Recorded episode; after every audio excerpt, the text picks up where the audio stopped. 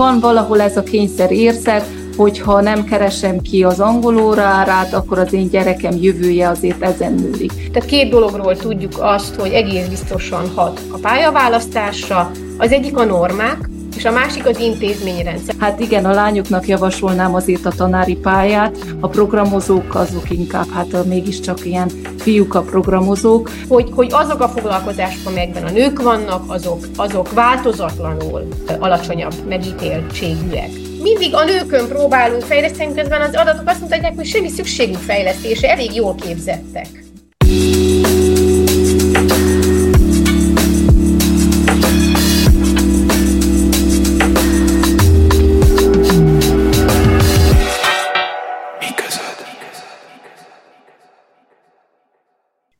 Sziasztok, ez itt a Mi között Erdélyi Közéleti Podcast legújabb adása, én Kis Anna vagyok, és ma a nő, a munkaerőpiac és az esélyegyenlőségek Bermuda háromszögéről fogunk beszélgetni, de mielőtt belevágnánk, kérlek, ne felejts el feliratkozni a csatornáinkra, és a csatornáinkra csak egy van, úgyhogy arra kéne feliratkozni, és amennyiben teheted, támogass minket a Patreonon is, ehhez pedig a linket a leírásban megtalálod. Mai meghívottjaim pedig Dzsambás úr Réka, szociológus, a Bábes Bolyai Tudományegyetem adjunktusa. Szia Réka! Sziasztok, köszönöm a meghívást! illetve Gergely Orsolya, szintén szociológus, a Szapiencia Erdélyi Magyar Tudományegyetem Csíkszeredai Karának adjunktusa. Szia! Szia, sziasztok, és köszi a meghívást! Üdv a műsorban, én is köszönöm, hogy elfogadtátok a meghívásomat. Az elmúlt hónapokban három fontos, nagyon fontos cikk jelent meg az átlátszó Erdélyen, arról, hogy milyen is a vállalkozói világ a nők számára, hogyan tudnak boldogulni benne ezek a nők, mennyire tudnak sikeresek lenni, mennyire ejt vagy sem nekik a pálya, és mit gondol mindenről a társadalom. Nem utolsó sorban ugye az államvezetés is, illetve ebben hogyan segíti, vagy éppen hátráltatja őket ezeknek a céloknak az elérésében. És hát ezekben a cikkekben ti is megszólaltatok. Ma pedig az ezeknek a témáknak a kapcsán felmerült kérdésekre, és hát ilyen továbbgörgetésre hívtalak benneteket. Úgyhogy arra gondoltam, hogy ahhoz, hogy egy kicsit érthetőbb legyen a téma azoknak, akik mondjuk nem olvasták a cikkeket, felépítettem egy ilyen női prototípust, egy-egy középosztálybeli, felső középosztálybeli női prototípust azok alapján, az információk alapján, amik a, a cikkekben elhangzottak. És akkor ez, ezt így végigmondom, elmondhatjuk, hogy nyilván ez egy nagyon sarkított és leegyszerűsített verziója lesz ennek a nőnek, de hogy talán könnyebbé teszi a, a beszélgetésünket is, és így a, a, a megértést is a hallgatók számára. Tehát adott ugye egy nő, aki eleve valószínűleg ugye egy társadalom által nőiesnek ítélt szakmát fog valamiért választani.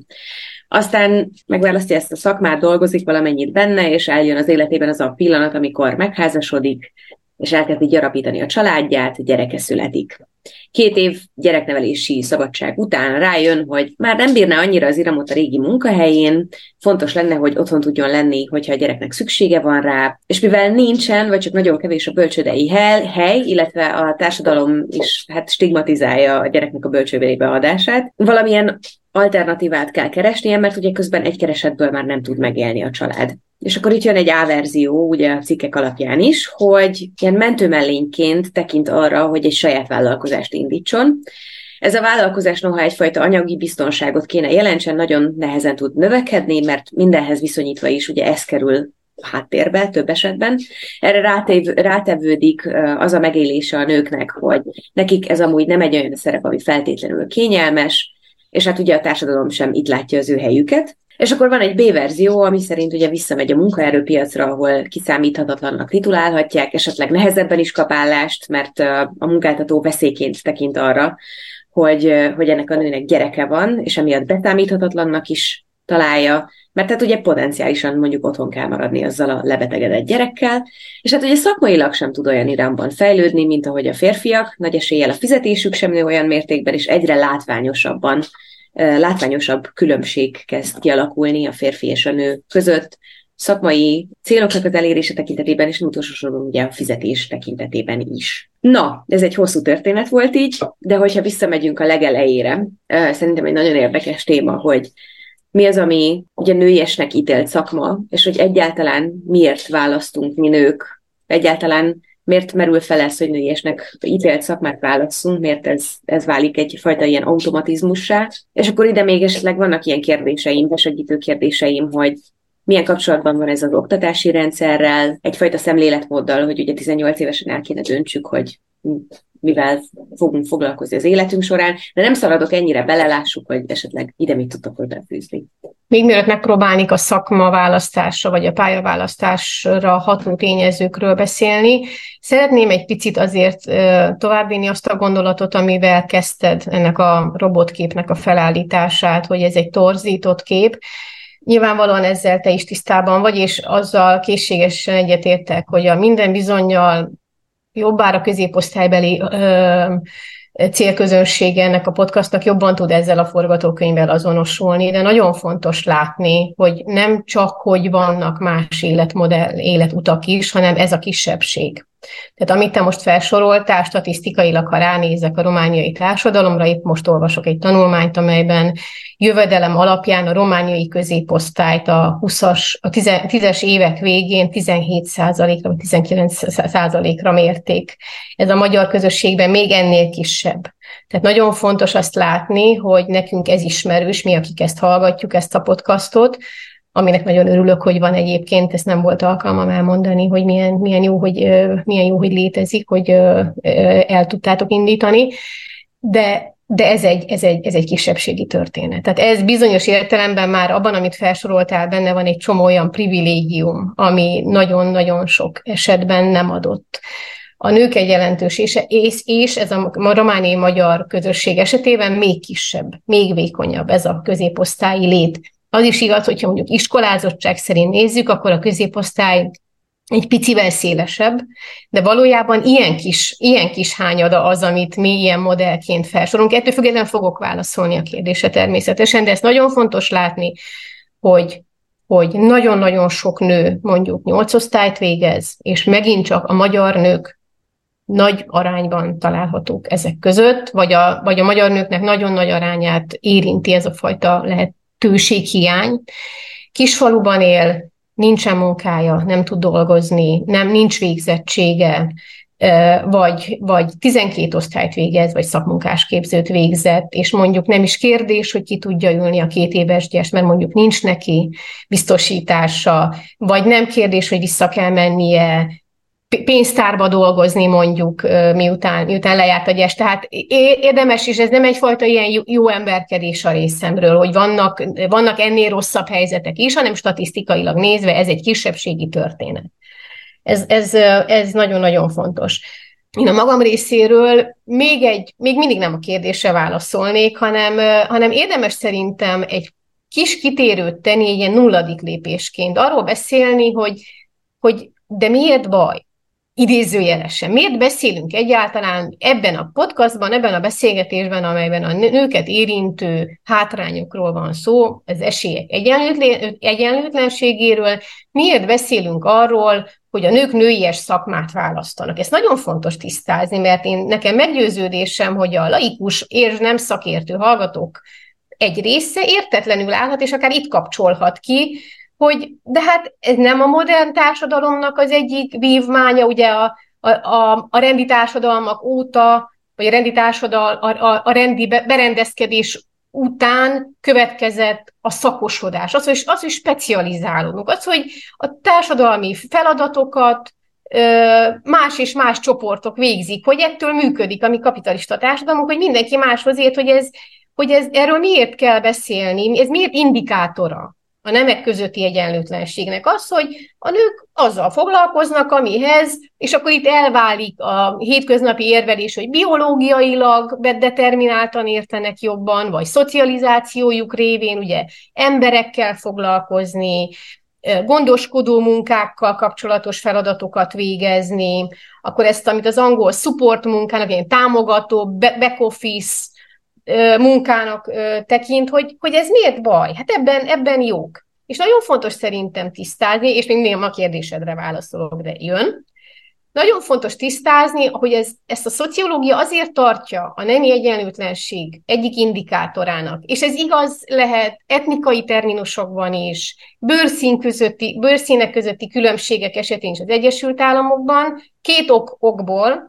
Egyrészt azért, mert az sugalja, és a szociológia ezt állítja, hogy nem vagyunk teljesen szabadok a döntéseinkben. Tehát nem a lehetőségek teljes tárházából választunk, hanem van egy norma rendszer, ami ráterel bennünket azon, az, ö, bizonyos utakra bizonyos foglalkozásokat privilegizál akkor, amikor választunk. Tehát ez egyrészt egyfajta lekorlátozása a szabadságunknak, de ennél sokkal ö, nagyobb probléma, és így kapcsolódik az egyenlőtlenséghez, hogy a nőiesnek tekintett munkák, azok társadalmi megbecsültség, presztízs szempontjából alatta vannak annak, amit a társadalom férfiasnak tekint. És ebben nincsen változás. Tehát ebben azóta nincsen változás, hogy gyakorlatilag vége lett a rendi társadalomnak, és a nők beléphettek a nyilvánosságba, beléphettek a munkaerőpiacra, függetlenül attól, hogy a háztartáson belül végzik a gondoskodási munkát, vagy a munkaerőpiacon fizetett munkaformájában, alacsonyabb presztízsű lesz. És ezt legalább két adattal is alá tudjuk támasztani. Egyrészt a lakossági szörveiben megkérdez, megkérjük, hogy a válaszadók rangsoroljanak foglalkozásokat, akkor a nőiesnek tekintettek mindig a listának, inkább a második felében találhatók. Ápolónő, tanár, szociális munkás, ismerjük ezeket, és a másik a bér. Tehát az még a legkézzel, legkézzel foghatóbb indikátor egy, tá, egy, egy foglalkozás, egy hivatás megbecsültségének az az, hogy mi a bérszínvonal, ami hozzá kapcsolódik, és azt látjuk.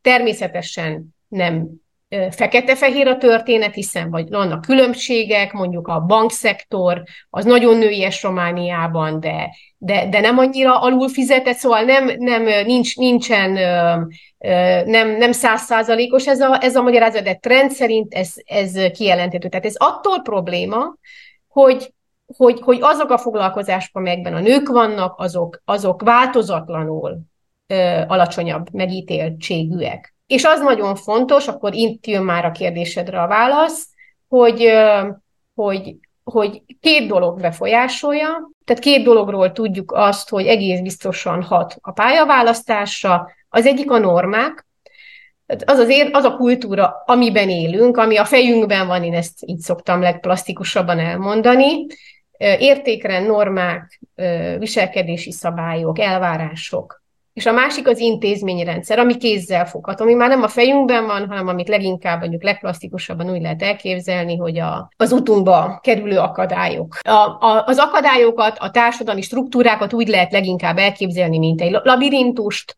amelyben egyszerűen beleütközöl a falba. És ezek a labirintusok egyféleképpen néznek ki a férfiak, és egyféleképpen a, a, a nők számára. A te példádban is ott volt, lehetne akármilyen a normarendszer, hogyha az adott településen nincsen bölcsöde, akkor, akkor ez, befo- ez befolyásolja, ezt a szociológia lehetőség struktúráknak nevezi, befolyásolja azokat a, a, azt a mozgásteret, és ez, ez szintén hatással van arra, hogy ki milyen pályát választ magának, mérlegelik nem mindig tudatosan a férfiak és nők, lányok és fiúk a, a lehetőségeket, figyelembe veszik a normákat, és ennek a kettőnek a figyelembevételével történik valójában a pályaválasztás. Én annyit tennék hozzá nyilván, hogy a Réka nagyon szépen és nagyon részletesen a kontextust felvázolta, hogy igen, ez a normarendszer, ami meghatározza a szocializációnkat, meg a, a minta és a modell, amit látunk magunk körül.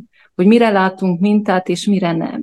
Elég nehéz tudatosan vagy tudattalanul valami olyasmit választani, amire nem nagyon látunk mintát, amiben mi kell legyünk a minták, amiben mi kell vigyük elől az ászlót, és ránk dobálják a paradicsomot és a tojást, és mindent ránk zúdítanak. És akkor ez egy kicsit ilyen védekező, tudattalan mechanizmus is, hogy a biztos pályán tartjuk magunkat, vagy tartjuk a gyerekeinket, vagy tartjuk a tanítványainkat mert bármennyire úgy gondoljuk, vagy úgy látjuk, hogy ez a, a társadalom, meg az oktatási rendszer azért nagyon az esély egyenlőség fele mozdult el az elmúlt években, vagy évtizedekben, de hogy attól még a látens, a nem látható a módon ott vannak ezek a ezek az ösztönző dolgok, hogy, hogy mégis kinek mit fogadunk el, vagy hogyan beszélünk a matematikáról, vagy mit gondolunk arról, hogy kik a jó matekosok az osztályban, vagy, vagy az matek informatika intenzív középiskolai osztályban mit mondunk, hogy hát igen, a lányoknak javasolnám azért a tanári pályát, a programozók azok inkább, hát mégiscsak ilyen fiúk a programozók, hogy ezek ilyen nagyon rejtett dolgok, vagy nagyon rejtett módon működhetnek, vagy lehet, hogy nem mindig rejtett módon, de ezek olyan nagyon szépen oltják a dolgokat, hogy, hogy ki milyen pályán indul el. A nagy társadalmi kontextus nyilván sok mindent meghatároz, de ez azért az oktatási rendszerből is egy kicsi hintet, kicsi uh, uh, nyomást kap, a, kap az a fiú meg a lány. Uh, nemrég uh, néztem egy uh, friss magyar mozifilmet, és azért ott is elhangzik az idesapa, az idesapa szájából, hogy az én fiam azért focira járjon ne drámakörre. Hogy mindkét irányból azért megvan ez, hogy, hogy a, társadalom hogyan tekint életvezetési pályákra, és hogy a, a nem 18, ugye a példátban azt hangzik el, hogy 18 évesen szakmát választunk, hogy azért már látjuk, hogy sokkal előbb elkezdődik ez már egy-négy osztályos korban alapvető programozói ismereteket kínáló magán vagy másfajta oktatási intézmények, ahol bemegyünk, és van 18 fiú és két lány. Az a két lány nagyon-nagyon-nagyon-nagyon elszánt kell legyen, hogy ott akarjon maradni, vagy inkább átmegy akkor a baletra, vagy átmegy valami másra, hogy ezek ilyen a nagy struktúrákban én csak így példákat vetítek fel, hogy, hogy mi az, ahol elindulnak a lányok, és mi, mi az, amit látnak maguk körül, melyek azok a minták, ahol elmernek indulni, és azok a minták, amiket látunk, azok szimpatikus vagy antipatikus minták. Mert Romániában is van egy-két nagyon kevés például női politikusi minta, vagy női minta, hogy hogy kell a politikai pályán működni, vagy hogy látjuk, hogy működnek, de azok inkább elijesztik azokat is, akik nagyon szeretnének, vagy gondolkodnak ezen. Úgyhogy ez a, hogy hogyan választunk pályát, ez a körülöttünk levő minták is nagyban befolyásolják. És szerintetek mi kellene ahhoz, hogy mennyi minden kéne ahhoz, hogy, hogy ezeket az általatok felsorolt példákat valahogy így, vagy rendszereket egy kicsit megtörni? Nyilván gondolok itt arra, hogy az iskolai rendszer egy iskolában tanító tanár csak azért, mert az ő fejében az van, hogy mateket a fiúk tanuljanak, attól még mondjuk tudatosan ne ijesszen el lányokat attól, hogy matematikát tanuljanak. Mi kéne változzon ahhoz, hogy ne beszélhessünk arról, hogy tudatosan vagy tudattalanul választjuk a nőies vagy férfias szakmákat? Nagyon nehéz kérdés, hogy mi kellene. Nyilván, hogy, hogy nagyon nagy változások kellenek, és ahhoz látjuk, hogy még olyan országokban, mint a skandináv országok, vagy Új-Zéland, ahol megjelenik a politikai pályán egy nagyon-nagyon fiatal nő, még ott is társadalmi szinten kikiveri a biztosítékot, vagy, vagy az összeurópai politikai szintéren is félrenyelnek az emberek. Tehát, hogy, hogy nem azt akar, ezzel azt akarom mondani, hogy hogy az, hogy a romániai vagy az erdély magyar társadalomban ez van, ez nem egy ilyen kuriózum. A, világban inkább ez van, és a világ lassan változik. Az emberek fejében a dolgok már lehet, hogy picit, igen, picit gyorsabban tudnak változni. Én például azt látom egy lehetőségnek, vagy azt látom egy good practice-nek, egy jó gyakorlatnak, ha, ha a média is akár mer megmutatni jó modelleket, vagy jó mintákat, vagy akár merünk ezekről a témákról beszélni, akár felmerünk vetni ilyen dolgokat, hogy tényleg esélyegyenlőség van, tényleg teljesen maximálisan, vagy hogy ez, amit Réka is említett, hogy hogy mi az a nagyon mély társadalmi kontextus, ami, ami ezeket gátolja, vagy akadályoz, vagy, vagy ami ide, ide vezet ezek, ezeknek a labirintusoknak a falát. Um, azt gondolom, hogy egy kicsit tágítaná, vagy legalább a tudatos rálátás segíteni, hogyha a társadalmi közodafigyelés, vagy mediatizált odafigyelés egy kicsit ráfókuszál. Nyilván, hogy ezekkel még a labirintus falai nem bomlanak le, de a, a jó példák megmutatása szerintem egyrészt segít. Másrészt pedig ezek a tudattalan dolgokra a tudatos oda vagy ráfigyeltetés, hogy, hogy igen, lehet, hogy ezt én is gyakorlom a pályámon, vagy gyakorlom ezt szülőként, és akkor egy kicsit vegyek ebből vissza. Ez nem, nem olyan könnyű ez az öntudatosulás, de hogy lehet ezen, ezen változtatni, vagy módosítani.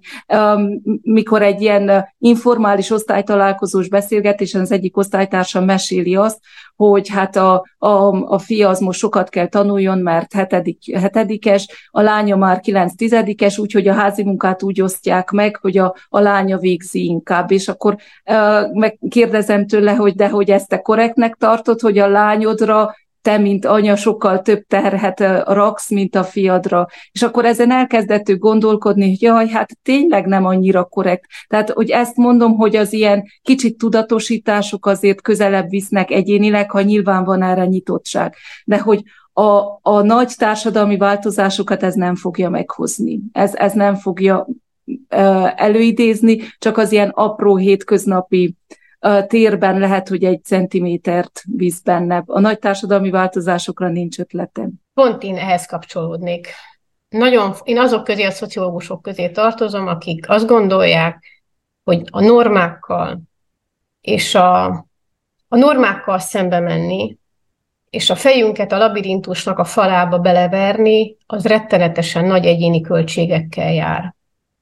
Tehát azt kilépni arról az útról, amelyet a társadalom, akár a normái, akár a struktúrái révén, a kettő között van természetesen kapcsolat, de nem, nem tökéletes kapcsolat, és nem vezethető le feltétlenül egyik a másikból, és mindjárt meg is fogom ezt magyarázni, ha lesz erre lehetőség.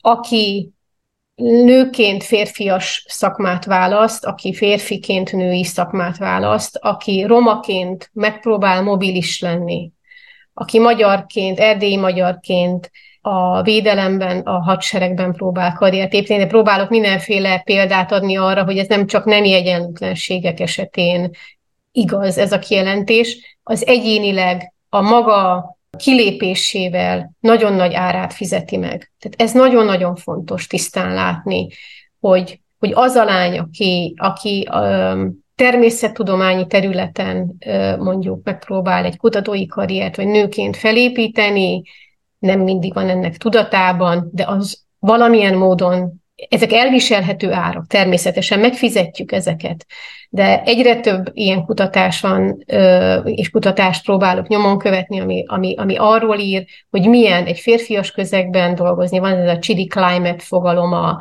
a, a fagyos légkör, a fagyos légkörben dolgozni, amikor, amikor te ott vagy kivételként, te ott vagy egyedüli magyarként, egyedüli nőként, ezek, ezek nem láthatók, ezek, ezek, ezek nagyon nehezen mérhetők, vagy az, vagy, az, vagy az anyai bűntudat, aminek most kezd lenni irodalma, és most kezdjük szociológiai fogalmakkal leírni és látni, hogy ez nem, ezek, ezek, ezek egyéni történetek, de ezek nem az egyéni jellem, jellem hibáiból fakadnak, hanem ezeknek társadalmi gyökere van, tehát ezt nagyon-nagyon fontos ö, ö, látni, és pont abból indulnék ki, amit Orsi mondott, hogy a struktúrák férfi központúsága, vagy férfiakat, férfiaknak több lehetőséget biztosító jellegét, nek a felbontásának a felelősségét nem lehet az egyéni nőnek a vállára rakni.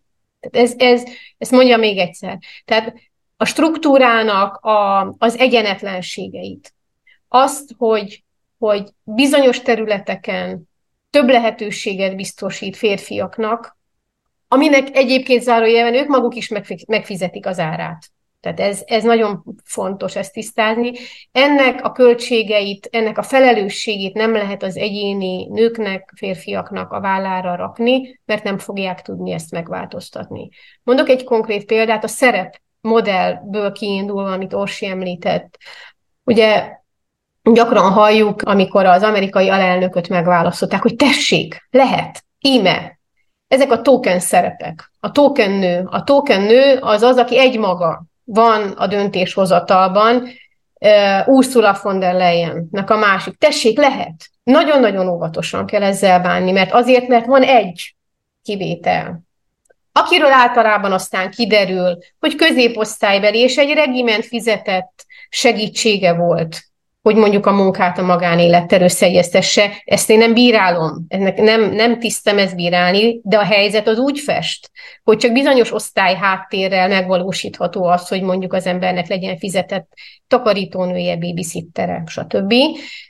És ezekről általában szemérmesen hallgatunk, amikor bizonyítékként mutatjuk be őket, hogy lám, the field is leveled, a, a terep az, az, az kiegyenlített, nincs itt semmi egyenlőtlenség. Tehát nagyon kell vigyázni, hogy ez a token szerep, ez egyrészt magának a nőnek, aki ott van. Ez olyan, mint a díszmagyar. Díszmagyarból is volt elég a kommunista rendszerben, és, és erről szólnak történeti kutatások, hogy ennek, hogy ennek milyen hatása volt. Tehát a dísznő, a díszmagyar ezek, ezek egyrészt maguknak a szerepnek a betöltőire is nagyon nagy terhet rónak, mert ők maguk testesítik meg az összes nőnek a kvalitását, és ha ők valamit elrontanak, akkor az a nőiességüknek a számlájára lesz, lesz, majd, lesz majd írva. De ugyanakkor arra nem használhatjuk, hogy ar, arra, hogy, hogy belenyugodjunk, hogy megnyugodjunk, hogy ez teljes mértékben működik ha elkezdenek egyszerre megjelenni a szerepmodellek a környezetünkben, akik tudják csinálni, ha már többen vannak, akkor ez nyilván az már azt jelenti, hogy a struktúra kezd egy kicsit kiegyenlítődni, és ilyen értelemben valóban szerintem is tudhatni pozitívan a gyerekeknek mondjuk a, az aspirációira, a pálya, pályaválasztására. Megint csak még egyszer, Osi nem az egy darab nőnek a példáját mondta, hanem a több nőnek a, a példáját, akik példaképként tudják befolyásolni. Én csak azért utalok mondjuk a Kamala Harris jelenségre, az erről még nem jutott eszembe a neve, mert, mert akkoriban nagyon sokan cikkeztek arról, hogy hát, hát ez győzelem, hogy ez, ez a most már akkor azt mutatja, hogy lehet.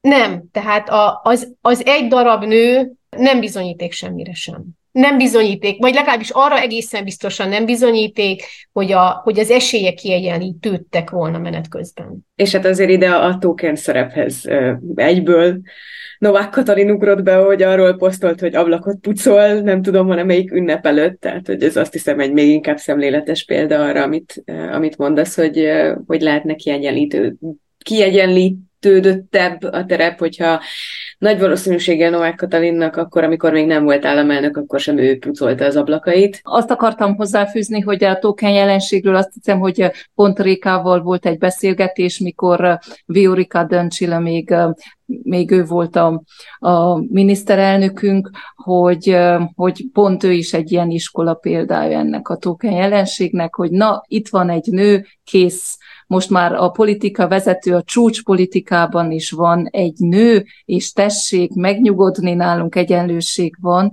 Aztán azt, ami, amit ő megtestesített, és ahogy a világ hozzá viszonyult, az aztán nagyon szépen leképezte, hogy mit gondolunk a nő, mit gondol a román társadalom a női szerepről, vagy mit gondol a női közéleti szerepvállalásról. De ezért talán érdemes a kérdésedre is válaszolni, mert eddig személyesen megkerültük. Részben azért, mert nem tudunk, vagy a magam nevében legalábbis nem látjuk, hogy ez eddig működne. Attól mindenképpen óvnám magunkat, a döntéshozókat, ha egyáltalán van a döntéshozatalban erre valós szándék, én azért nem tenném a kezem a tűzbe a nemi szakadékok betömködésére. Ez manapság nem egy legitim téma. Tehát nem, nem, nem nagyon tűzik zászlajukra politikai mozgalmak, még ötöt sorban sem feltétlenül látok én erre példát, nem csak Romániában, úgy általában.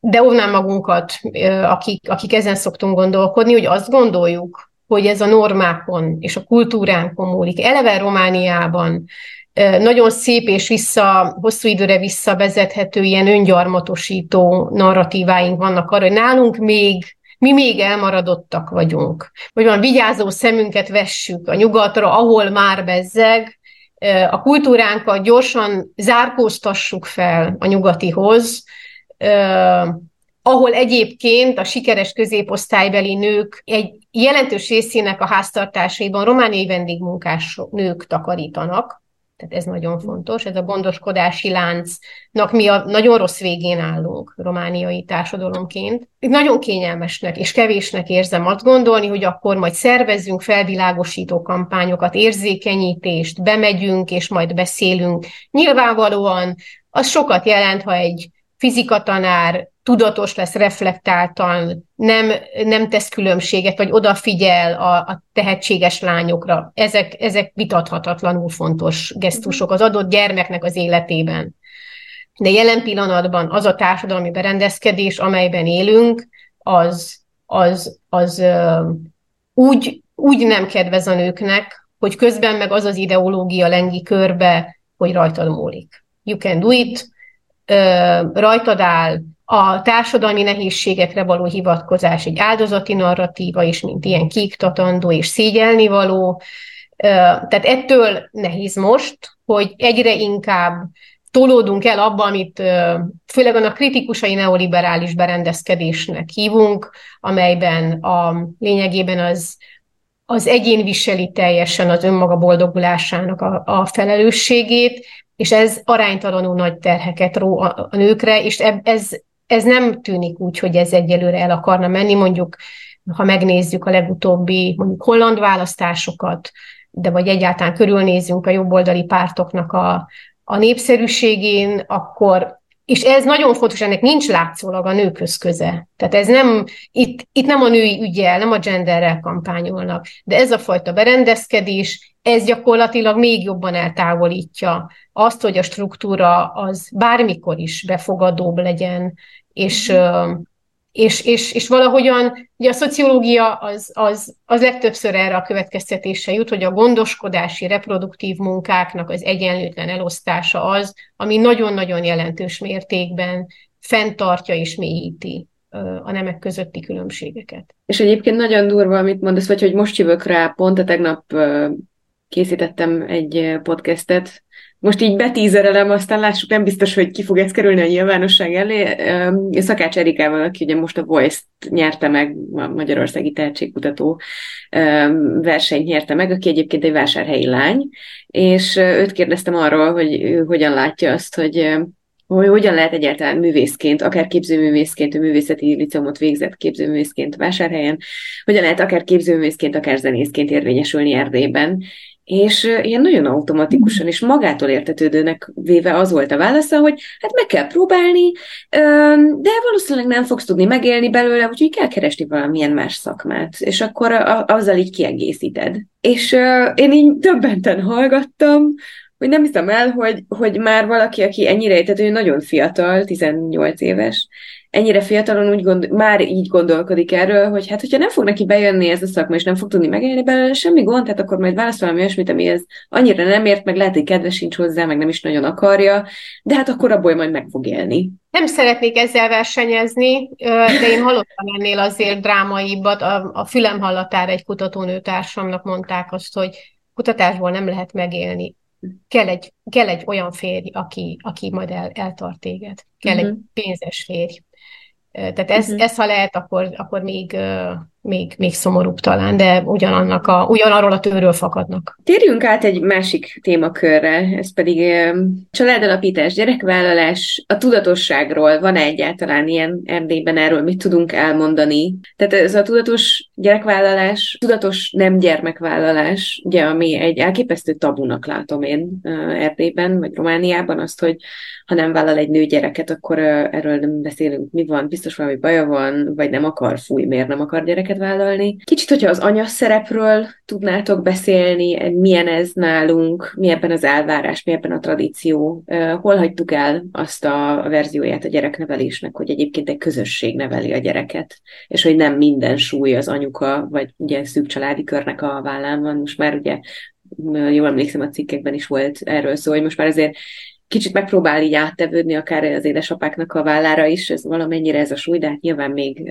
az anya a gondoskodó, az ő, az ő nyakában marad nagyon sok minden. Én gyorsan az elején mondok akkor számokat, hogy, hogy majd, majd Réka mondja a, kontextus, de igazából, igazából már sok minden elhangzott kontextus szempontjából, mert itt is nagyon meghatározó a normarendszer, ami mélyen beágyazott, és ami beszocializálódunk, és az a mintarendszer, amit magunk közt, magunk körül látunk. Mert hogy feltehetően egy olyan közegben, ahol sok a 30-as fiatal nő mozog és nincs gyereke, ott, ott kevesebb vagy kisebb ez a nyomás vagy a kényszerérzet, vagy az emiatti szorongás, mint ott, ahol, ahol körülöttünk nem nagyon van olyan 30-as nő, akinek még nincs gyereke. Tehát, hogy sok mindent ez is meghatároz, de akkor gyorsan mondom a számokat hogy, hogy Európa szintjén látjuk azt, hogy jelentős változások vannak. Ha nézzük a számok szintjén, akkor van egy ilyen déli vonal,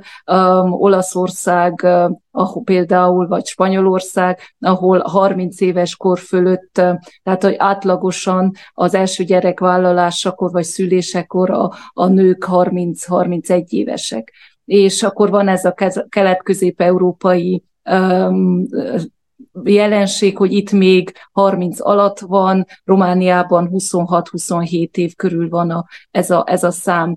Ez jelentősen emelkedett az elmúlt 20 évben, a 90-es években ez még négy-öt évvel alacsonyabb volt átlagosan. Ez ugye azt jelenti, hogy, hogy Románia azért vezető a, a lányanyák terén is, hogy nálunk, szület, nálunk szül Európában a legtöbb 18 év alatti nő, úgyhogy ebben az is benne van, és benne van a 40 pluszosan először gyereket vállalók aránya is, úgyhogy ez Romániában 26-27 év, de jelentősen emelkedett az elmúlt 20 évben, és nagy különbségek vannak város, rurális térségben és urbánus térségben élők körében, urbánus közösségben, vagy urbánusabb habitust folytató körében ez 29 évet is meghaladja Romániában, a vidék vidéken pedig nyilván alacsonyabb. Úgyhogy e, ezt látjuk a számok szintjén, hogy van egy ilyen elmozdulás, vagy van egy ilyen nemzetközi demográfiai felzárkózás, hogy nálunk is egyre később vállalnak a nők gyereket, és e, viszont emellett van egy másik fajta igazodás is, mondjuk, amit, amit köznapi nyelven nem feltétlenül szociológia nyelvezette, de köznapi nyelven úgy használ a társadalom, hogy a három az új kettő, hogy egyre inkább megfigyelhetjük, főleg a középosztályban, a, a jobb anyagi helyzettel, magasabb iskolai végzettek körében is az, hogy több gyereket vállalnak, és ez a, a szocializmus 70-es, 80-as években beállított két gyerekes, kétkeresős családmodellhez képest ma már többen vannak, akik három vagy annál több gyereket vállalnak. Egy bizonyos rétegben ez az, amiről Réka beszélt, hogy a kutatásainkból azért látszik, vagy kutatásokból azért látunk, vagy látsz egyféle robotképet, mert nagy mértékben a kutatások útján a középosztályt érjük el főleg. Tehát onnan származik a legtöbb adatunk, mert bármennyire igyekszik egy szociológia kutatás kilépni ebből, nagyon nehezen érjük el mondjuk a nagyon-nagyon alsó rétegekben élőket, dolgozókat, és nyilván a másik végletet is nehezen, úgyhogy a legtöbb adat, legtöbb információ, legtöbb példa az a középosztályból származik, és azt látjuk, hogy, hogy van egy ilyen U alakú görbe, de ez nyilván demográfiai téma, téma, hogy a, a nagyon a, a hátrányos helyzetűek és a nagyon előnyös helyzetűek körében születik több gyerek. Um, és um, tehát például ezt látjuk számok szintjén, ami, ami változik, vagy ami egy pici elmozdulás 90-es évekhez képest mondjuk. Um, és, és akkor itt, itt most egy kicsit megállok, és akkor átadom Rékának majd még visszaveszem a szót majd, amikor a, az anyasság és munkamegosztás és ilyenekről lesz szó. Az a magyar nyelvű hallgatók, már pedig itt magyar nyelvű hallgatók lesznek számára, magától értetődőnek tűnhet, hogy a, a gyermekvállalás témája, a, a gyerekvállalás, mint demográfiai kérdés, mint közügy, az, az esetleg világszerte mindenütt fontos lenne magyar közegben, Magyarországon, és némileg az erdélyi magyar közbeszédben is, némileg ez átcsorgott, nem, nem érzékelem teljes mértékben. Van, van egyfajta diffúziója ennek a narratívának, ami, ami a gyerek számot, az utánpótlást, a nemzetkihalás kontextusában nagy tétel ruházza fel, de egy kicsit átkacsintunk nyelvileg a romániai román közéletre, ott ez nincs. Tehát ez nagyon fontos ezt már is tisztázni, hogy, hogy ez nagyon ö, nemzeti keretek között, vagy nemzetek közötti különbségekre is visszavezethető. Ennek, ennek érdemes lenne egyszer a nyomába eredni, hogy ez, hogy ez miért nincsen. Vélhetően azért a Ceausescu-i abortuszpolitika is valahogy el, elbeszélhetetlenné, vagy, vagy érdektelenné teszi. Ha belegondolunk a romániai közbeszédnek a jellemzébe, akkor ott a demográfiai kérdés a masszív kivándorlásra fut ki. Tehát arról szoktunk, ha, ha, ha nemzet halál víziók lenni, lenne, vannak, vagy, vagy a, a fogyás, vagy a nincs elég utánpótlás, vagy a társadalom el, el, elidősöd, előregedése témája merülne fel, akkor sokkal inkább a kivándorlás témája viszi a prímet, sokkal kevésbé a gyerekvállalás. Tehát magyar viszonylatban az fontos látni, hogy itt ül rajta ez az erős politikai meghatározottság felruházza hatalmas téttel, hogy szülni kell. Tehát ez, ez, egy, ez egy fontos kiinduló pont, ezt érdemes azért tisztán látni, de azt is, hogy ez nem magától értetődően van minden egyes társadalomban jelen. A másik dolog, amit én tudatos gyermektelensége vagy gyermektelensége kutatóként nem foglalkoztam, Szalma Ivetnek, aki egy magyarországi kutató, próbálom tartani a lépést az, az ő írásaival, és valahogy képben lenni.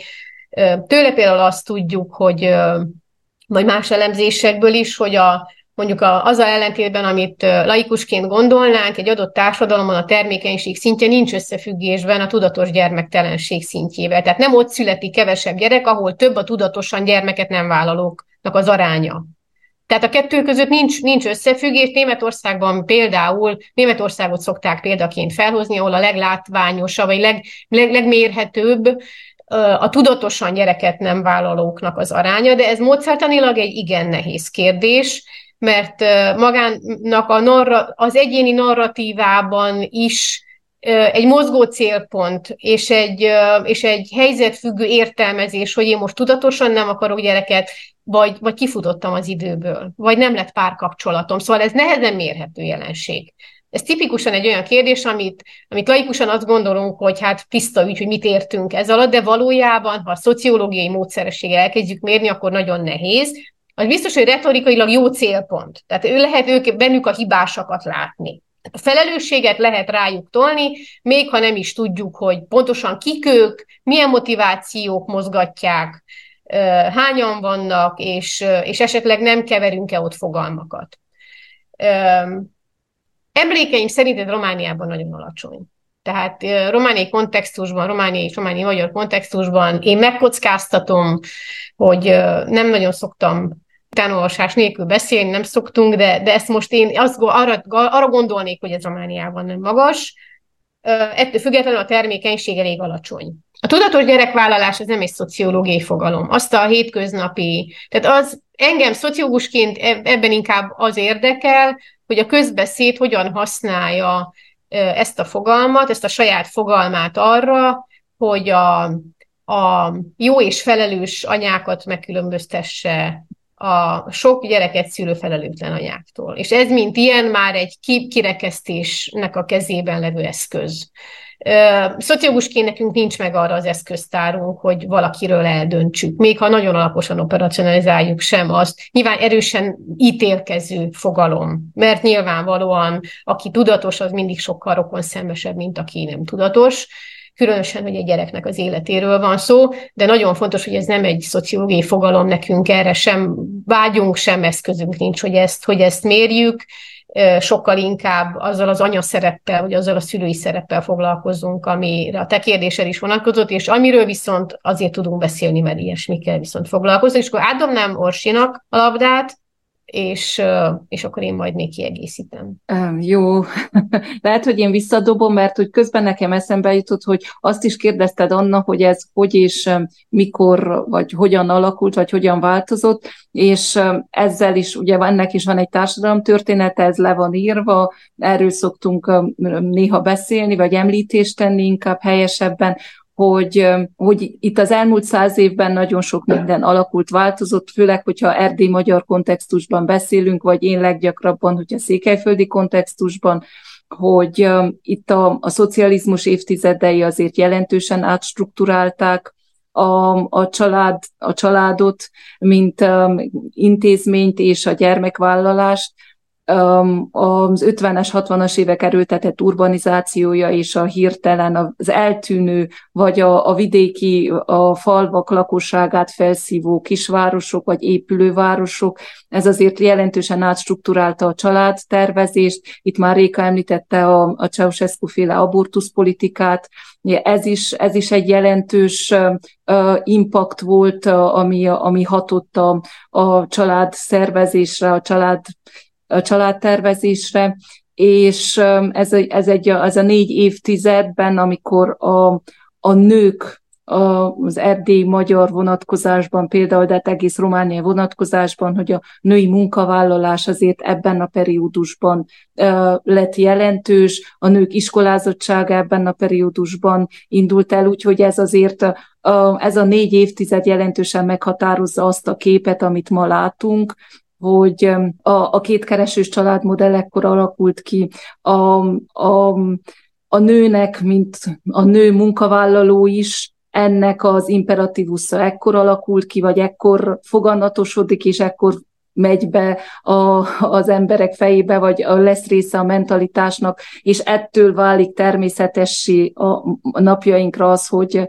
hogy mindenkinek dolgozni kell, aki ugye um, enni akar, tehát hogy ez, ez ilyen szépen alakult, és, vagy a szépen remélem látszik az idézőjel, hogy, hogy igazából a szocializmus előttig csak azért akarok ehhez visszanyúlni, hogy a, hogy a gondoskodási munkának azért nagyobb szerepe volt. Tehát, hogy a gondoskodási munka azért jobban el volt ismerve, hogy, hogy a, a nők otthon azért sok mindent elvégeznek úgy is, hogy nem vállalnak munkát. De manapság egy kicsit azért a társadalomi elvárás az, hogy munkavállalás és család, családgondozás és gyerekvállalás és ez a többes teher én azt mondom mások nyomán, hogy ez a szocializmus hagyatéka, hogy ez, ezt a kettes vagy többes terhet a nőkre uh, rakta, anélkül, hogy nyilván elmagyarázta volna, vagy megmutatta volna, hogy ezt hogy lehet sikeresen, vagy sikeresebben. És akkor érkezik a 90-es évek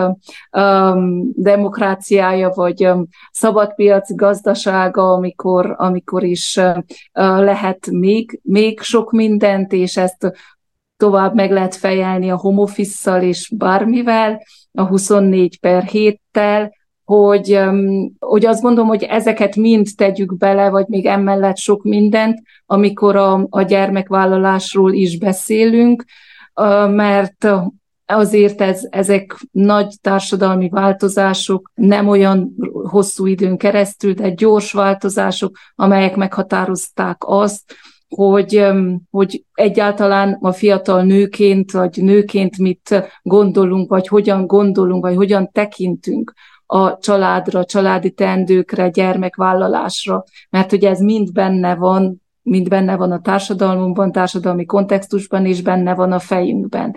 És um, Réka szokta mondani például, hogy, hogy e, elég nehéz um, a, a társadalmi elvárások moduluszában jó anyának lenni és jó munkaerőnek lenni. Ez a kettő azért jól konfliktuálódik, úgyhogy nem véletlen egy nagyon gondolat erejéig visszacsatolok a pályaválasztásra, hogy, hogy nem véletlenek során választanak pályát a, a, a nők, hogy mindig bent van a fejben az, hogy úgy kell kalkulálni a pályaválasztással, hogy azért még beleférjen az anyaság is.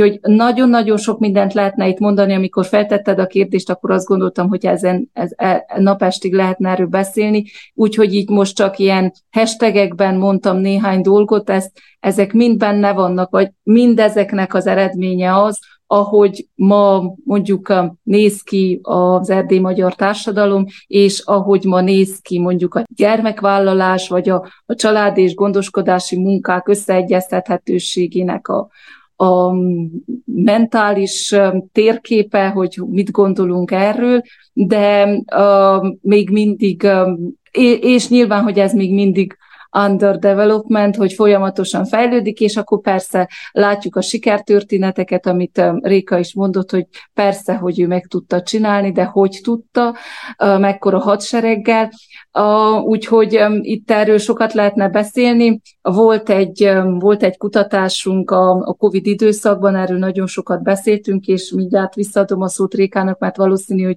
erről is tesz említést. Mi azt szerettük volna látni, hogy amikor haza az otthon közegébe visszaszorul, anya, apa, mindenki home office dolgozik, akkor ezek a gondoskodási szerepek újra tárgyalódnak-e, újra osztódnak-e, és megvalósul-e az, hogyha már tényleg mindenki otthon van, akkor lássuk azt, hogy mégiscsak a feladatok feladatok osztásán tárgyalhatnánk egy kicsit, és, és nyilván ez ekkor is elmarad. Hogy a, én sem szeretném azt mondani, vagy nem szeretnék arról beszélni, hogy mi a tudatosság, vagy mi nem a tudatosság, de tudattalanul vagy tudat alatt nagyon sok minden meghatározza azt, hogy hol mennyi gyerek születik, és, és, és még akkor is, hogyha ezt mondjuk, ha megkérdeznénk kérdőívben vagy interjúban, ezt, ezt nehéz megfogalmazni, vagy nem, fog, nem tudnák megfogalmazni az emberek, hogy, hogy miért vállalnak, vagy miért nem vállalnak, de hogy azért ez a sokféle együttesen ható elváráshalmaz azért mind ott van egy ilyen nem tudatos döntés, vagy ösztönös döntés mögött is. Ez egy nagyon kedves parafrázisa volt annak, amit én mondani szoktam, Orsi, hogy nehéz. Én azt hittem, hogy nem lehet. Rosszabbul. De az ideális anyaképnek és az ideális munkavállalói képnek megfelelni, ha szigorúan tekintem az ideálist, akkor nem lehet. Nyilván mindannyian megpróbáljuk, legtöbben megpróbáljuk. Ma már nem, ha belegondolunk abban, hogy milyen influencereket követünk, vagy kik a modellek, manapság a háztartásbeliség ma már nem egy, jár, nem egy legitim stratégia, tehát ma már, ma már a, a, a női sikerességnek része munkaerőpiaci jelenlét is valamelyikben mindig az ember kompromisszumot köt, és ezt a kompromisszumot, ha az anyaság terén köti, akkor a nagyon láthatatlan, de nagyon maró bűntudat kíséri, ha a munkavállalás terén, akkor meg a, mindazok a munkaerőpiaci hátrányok, amelyekkel indítottuk ezt a beszélgetést. De ez csak, egy, ez csak így kapcsolódni szerettem volna Orsihoz. Én kicsit vissza, visszamennék térben és időben, az nagyon fontos látni, hogy, hogy, hogy amit erdélyi magyarok körében látunk, az nagyjából a globális mintázat, anyaság. Tehát mások a gyermekvállalási számok, vannak különbségek, de azok az erők, azok a társadalmi folyamatok, amelyek hatnak az anyaszerepre, az, a munka-magánélet egyensúlyra, abban, abban, abban nagyjából azt látjuk, hogy, hogy ugyanazok a történetek, mint, mint amit mondjuk a szociálisan nyugati világnak nevezünk, tehát Európa, Észak-Amerika, ezt intenzív anyasságnak szoktuk nevezni egyébként, ezt, ez is talán megér egy, megér egy, egy pár kitérőt, majd, majd később beszélnénk talán erről. Az úgy, úgy fogalmaztál a kérdésedben, hogy mióta nem nevelünk közösségben. Én, én beszélnék mind a kettőről. Beszélnék a nevelésről, és beszélnék a közösségekről. Kezdjük a másodikkal. Azóta nem nevelünk közösségben, amióta, amióta véget ért a rendi társadalom. Tehát az iparosodás óta, amióta nem háztartási termelés zajlik, amelyben mindenki ugyanazt a gazdaságotnak a szekerét húzta, ugyanabban a gazdaságban, ám bár különféle nőiesebb és férfiasabb munkákat, de alapvetően mindenki háztart, mindenki alatt ugye a társadalom többségét értjük, nem a vékony polgári réteget, vagy az arisztokráciát.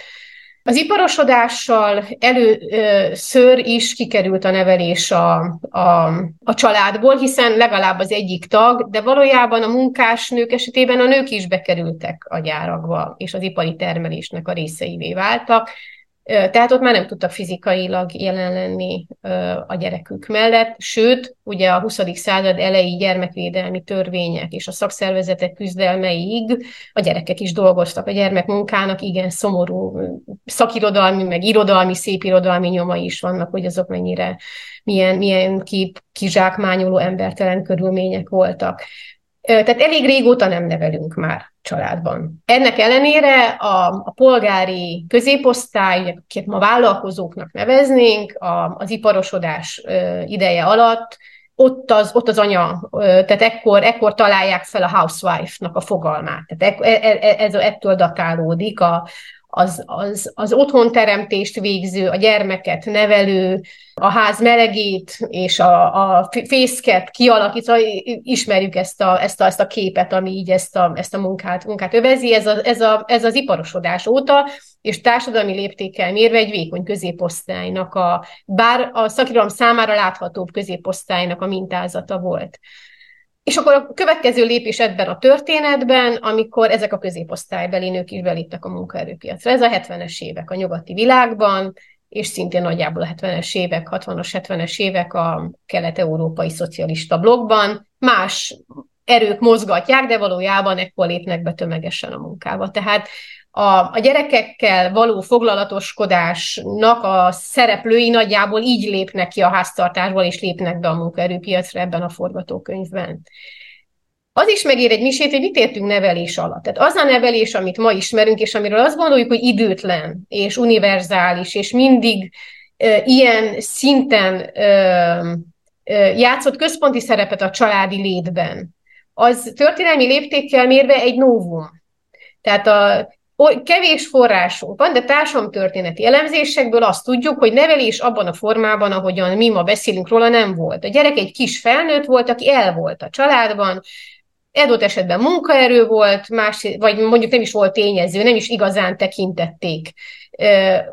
Nyilván erre van magyarázat is, hogy nagyon magas volt a gyerekhalandóság, és ez megint nagyon fontos, hogy tisztálássuk, hogy az a helikopterség, ugye helikopterszülőnek szokta a köznyelv nevezni, a szociológia is néha használja ezt, amikor úgy zsizsegünk a gyerek körül, és az összes családi erőforrás a gyerekeken összpontosul, és és, és, és mindent alárendelünk a gyerekek igényeinek, bélt vagy valós igényeinek, ez társadalmi léptéket, történelmi léptékkel mérve, ez az utóbbi öt percnek a fejleménye. Tehát a, a, a történelmi létünket nem úgy éltük le.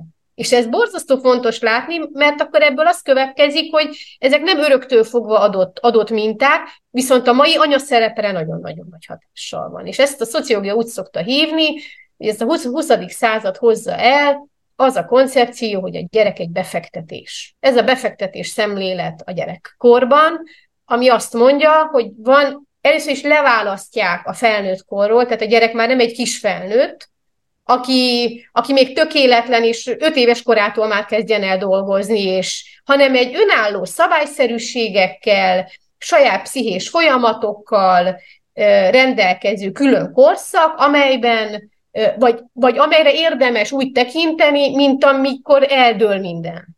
Most kell fejleszteni, most kell kielégíteni az igényeit, most kell rá tekintettel lenni, mert most múlik pontosan, most fog eldőlni minden. És nyilvánvalóan itt már látható, hogy ez az anyákra hogyan hat, hogyha ennek a dolognak megnő a tétje, ha ezeknek az éveknek megnő a tétje, és ez genderileg nagyon kiegyensúlyozatlan, sokkal nagyobb, még a résztvevő apák megjelenése ellenére is sokkal nagyobb felelősséget ró az anyának a vállára, hiszen végül is a, az életében a legfontosabb lénynek a majdani boldogulása múlik ezeken az éveken, a keddeken, a szerdákon és a csütörtökökön.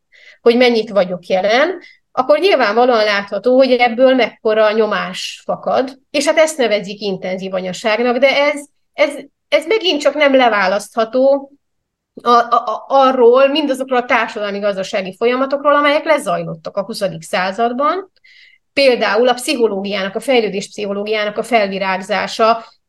Ugye ma már, nem tudom, az én szüleim nem tudták azt, hogy hány éves korban, hány hetes korban kell szemkontaktust felvenni egy csecsemőnek, hány hetes korban, hány napos korban kell másznia, mi a gagyogás, hogyan fejlesztem, tehát professzionalizálódik az anyaság, de ez azért van, mert van egy fejlődés pszichológia, mint tudomány, ami ezeket most már tudja. De ugyanakkor meg egy neoliberális korban élünk, és, és az, az intenzív anyasságnak, a, tehát az a fajta anyai szerepnek, amely, amely professzionalizált és főállású, és, és, és időt, energiát, erőforrást, pénzt nem sajnáló szerep, az elválaszthatatlan attól a jelenségtől, hogy mindeközben a többi lehetséges szocializációs közeg az vonul ki. Tehát az állam az oktatásával, a szociális ellátásaival, a gyógypedagógiájával, a közlekedésével, van-e busz az iskolába? Tehát a legalapvetőbb közszolgáltatásai leépülnek,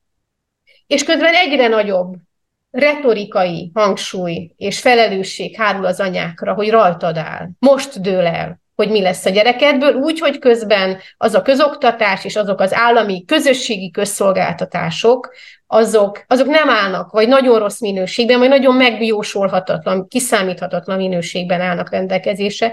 Tehát én kibővíteném a kérdésedet, és valójában nem csak a közösség vonult ki a gyereknevelésből, hanem az a nagy szereplő is, ami fölöttünk áll, és aminek elméletileg lehetne az a dolga, hogy a közös dolgainkat megoldja, a közös igényeinket kielégítse az adóinkból. Nem is várjuk el igazából. Tehát ma már az államra nem nagyon tekintünk, mint a közös dolgaink megoldására. Az állam egyrészt egyik lábával kivonul, és a szájával meg azt mondja, hogy, hogy rajtad múlik. És ez egy borzasztóan egyensúlytalan, és igazságtalan, és csinálhatatlan helyzetet eredményez, mert mindeközben már nem otthon vannak az anyák hanem azért is bent van, vannak bent a munkaerőpiacon, mert az a norma, hogy az a sikeres nő, aki bent van a munkaerőpiacon, de azért is, mert a, a magánrománórát, a magánangolórát, a magánúszást, a magánfejlesztést is folytathatnám, ezeket valamiből finanszírozni kell. Igen. És nagyon sok esetben az apának a jövedelme ezt, ezt nem teszi lehetővé. Igen, és akkor ide, ide muszáj feltegyem így a kérdést, hogy akkor lehet, lehet ezt rendesen csinálni? Mármint, hogy kettőt egyszerre? Tehát anyának lenni, ma, nem tudom, Kelet-Európában, vagy akár Erdélyben, és közben legyen egy bármilyen munkahelye az embernek, vagy akár akarjon szakmai, komoly szakmai előre menetelt? Tehát lehet ezt így, ez egy valós, megvalósítható cél lehet egy nőnek ma Erdélyben, hogy egyszerre mindkettőt csinálja, vagy uh, igazából az a kép, amit én láttam, az végül is egy reális lenyomata annak, ami történik, hogy ebbe egyébként így lelkileg, mentálisan bele roppannak a nők magamnál tartom a szót még egy mondat erejéig, természetesen lehet, csináljuk. Mindenki, nagyon sokan a környezetünkben csinálják, legtöbb ismerősünk, ha körülnézzünk. Ugye any- nem feltétlenül lesz mindenki anya, tehát ez nyilván nagyon fontos, de aki, aki gyermeket vállal, és, és dolgozik, már pedig ezt, ezt, ezt csak azok nem teszik, akik, akik annyira rossz anyagi helyzetben vannak, hogy mondjuk egy kisfaluban élnek, és nyolc osztályt végeztek, akikkel ugye kezdtem a, ezt a podcastot, tehát aki, aki csak tud, bent van a munkaerőpiacon, és mindannyian valahogy csinálják, csináljuk, a nap végére elérünk. Jelen pillanatban az az ár, amit ezért fizetnek a nők, az, az láthatatlan, beárazva sincs, beszélve sincs róla, magyar talanul fogalmazva, és megoldás még annyira sem, még erre való, erre irányuló szándék sem. Tehát minden olyan alkalommal, amikor az államról kiderül, hogy még kilép egy területről, még gyengíti, még kevesebbet költ az oktatásra, még kevésbé tölti be azt a szerepét, hogy rendes vonat közlekedést biztosítson. Tehát próbál nagyon változatos példákat adni arról, hogy mit jelentenek a közszolgáltatások. Akkor aránytalanul nagyobb terhet hárítunk az anyákra, amelyet ők cipelni fognak, mert, mert, mert a gyerekükkel szembeni felelősség az, ami hajtja őket de, de, de ennek, ennek erős gender hatásai vannak, nem azonos terheket ró, nem azonos árat fizetnek. Ezért szóval a kérdésedre válaszolva természetesen csinálják, csináljuk, lehet, de, de azokkal az árakkal, azokkal a munkaerőpiaci karrierárakkal, és azokkal a, a láthatatlan bűntudat érzésekkel, amelyek, amelyekről most már egyre több kutatáson, és ami messze több, mint a szülés utáni depresszió. Ez végigkíséri az anyaságot, és elég jelentős kutatások vannak, amelyek azt mutatják, hogy minél inkább azonosul a nő ezzel az ezzel az elvárásról, hogy rajta múlik, és ő helyettesíthetetlen valójában, annál nagyobb valószínűséggel éli meg ezt a fajta évekig tartó depressziót, Szóval láthatatlan ár, ár, árat fizetnek a nők ezért a, ezért a helyzetért. És mivel megint csak erőteljesen individualizált a mai diskurzus erről, nem nagyon mutatkoznak annak a jelei, hogy itt valamiféle közösségi érdekérvényesítés ebből kikerekedjék. Igen, azt, azt mondanám még, hogy hogy igen, elég sokan um, űzik, űzzük ezt a műfajt, ettől függetlenül, hogy látjuk a kontextust, vagy a, a, a, az állam fokozott kivonulását ebből a fajta tevékenységből, vagy rásegítésből. de e, tehát, hogy, hogy igen, és nem csak az, hogy a folyamatos bűntudat, hanem hogy az érkezik az állam, a társadalom és saját magunk részéről is, hogy valamit én rontok el. Ha nem működik, akkor valamit én rontok el. És például ezt, ezt nehéz tudatosítani, hogy nem. A, a rendszer, rendszer ront valamit el, nem én vagyok az ügyetlenkedő és a butuska, és a, aki, aki nehezen tudok itt zsonglőrködni, holott elolvastam 38 cikket arról, hogy hogy kell work-life balance de hogy nem bennem van a hiba. De ez, ahogy Réka mondja, ez, ezért ezt nem látjuk a, az impaktját, vagy nem látjuk az árát, hogy, hogy ez hol fut ki. Vannak nyilván sejtéseink, mert látjuk, hogy hogyan változnak a közegészségügyi számok Romániában, hogyan nőnek adott betegségek, meg hogyan, tehát hogy, hogy vannak azért sejtések, de hogy nem, nem látjuk ennek az árát, és azt sem látjuk, hogy, a, hogy nagyon, tehát közösségben vagy társadalomban keresnénk a hibát, hanem magunk keressük a hibát. El, elmegyünk még egy önismeretre, elmegyünk még egy konferenciára, megtanulunk még valamit, még tudatosabbak akarunk lenni valami területén, úgyhogy lehet, működik a dolog, az, hogy milyen sikerrel és milyen mentális és fizikai egészséggel, az, az már egy másik kérdés. De az, hogy én is azt mondanám ehhez, hogy azt látjuk, vagy azt tapasztaljuk nap mint nap, hogy a gyerekem jövője egyedül tőlem függ, vagy tőlem, tehát tőlem és tehát a szülőktől, mert hogy vannak családok, ahova, ahol ebben azért részt vesz apa is, szellemileg is, vagy másképp is, tehát kicsit azért részt vállal, nem olyan nagyon szélsőséges esetek vannak csak, viszont az tény, és ezt, ezt már számokkal és méréssel tudjuk mutatni, már egy 2018-as kutatásunkból is, hogy amikor azt kérdezzük, hogy a, hogy a, a gyerekkel kapcsolatos tevékenységeket mondjuk, ahol egy 7 évnél kisebb gyerek van a családban, akkor ott ott a nő az számmal mutatjuk, hogy oroszlán részt vállal. Ha beteg a gyerek, ha családi programot kell szervezni, ha heti logisztikát kell szervezni, azért ott a nők vastagon, ők intézik ezt. Már csak az, hogy kinek a fejében futnak ezek a táblázatok, vagy ki, ki tudja, vagy ki tartja a kapcsolatot a pedagógusokkal, a délutáni foglalkozást vezetőkkel, tehát azért ez egy nagyon jelentős mentális leterhelés,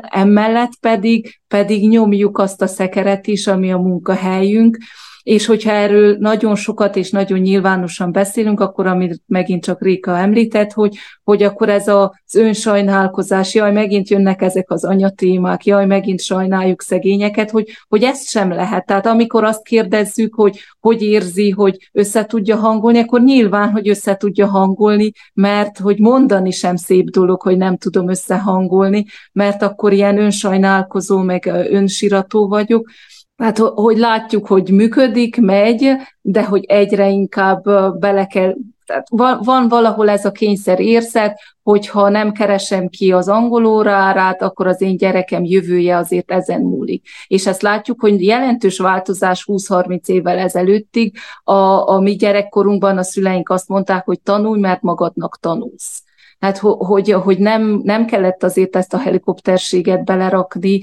és, és az valószínű, hogy az oktatási rendszer is a mobilitást másképp szolgálta.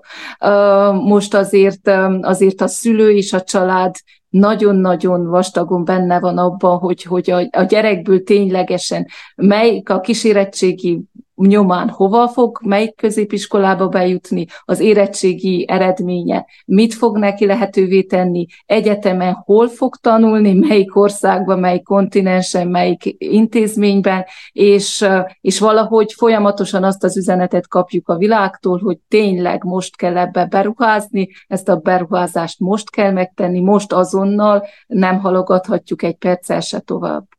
Nagyon fontos, és kapcsolódnék egy picit ahhoz, amit Orsi mondott, hogy képzésekre, fejlesztésekre járunk, hogy ez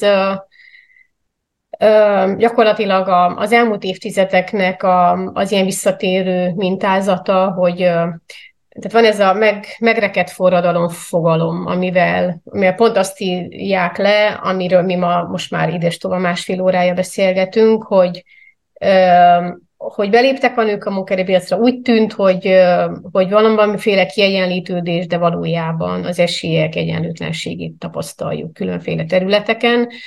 Ezzel szembesülve a, a legtöbb olyan kezdeményezés, ami valahogyan megpróbál ezen segíteni, ha megfigyeljük, azokra, az, azoknak az a közös jellemzője, hogy mindig, mindig a nőket próbálják fejleszteni. Tehát mindig a kínálati oldalt. Ugye van a kínálat és a kereset, a kínálat a nők, a kereset a társadalom, ami befogadná őket. És mindig a kínálati oldalt abajgatjuk. Fejlesztjük, képzések, még járjál el egy, tartunk vállalkozó nőknek valamiféle képzést. Ez önkritika is, magam is részt veszek ilyenekben, de ezeket tisztán kell látni, vagy a másik területem, ahol, ahol mozgok, kutatónőknek, vannak egy páran, akik fizikában, akkor tartsunk neki képzést, hogy hogyan kell, hogy work-life balance, hogy legyenek még jobb én érdek. Mindig a, mindig a nőkön próbálunk fejleszteni, közben az adatok azt mutatják, hogy semmi szükségük fejlesztése, elég jól képzettek. Senkiben fel sem merül, nyilván belátom, hogy sokkal költségesebb és húzamosabb, és eléggé komoly felforgató jellege lenne, ha mondjuk a társadalmon próbálnánk változtatni. Hogy az a társadalom az az tudjon valamit kezdeni azzal a nőies szereppel, ami, vagy tudjon valamit kezdeni. A társadalom ma, a munkaerőpiac ma alapvetően azok számára barátságos, akik testetlenül, gondoskodási feladatok nélkül tudnak dolgozni.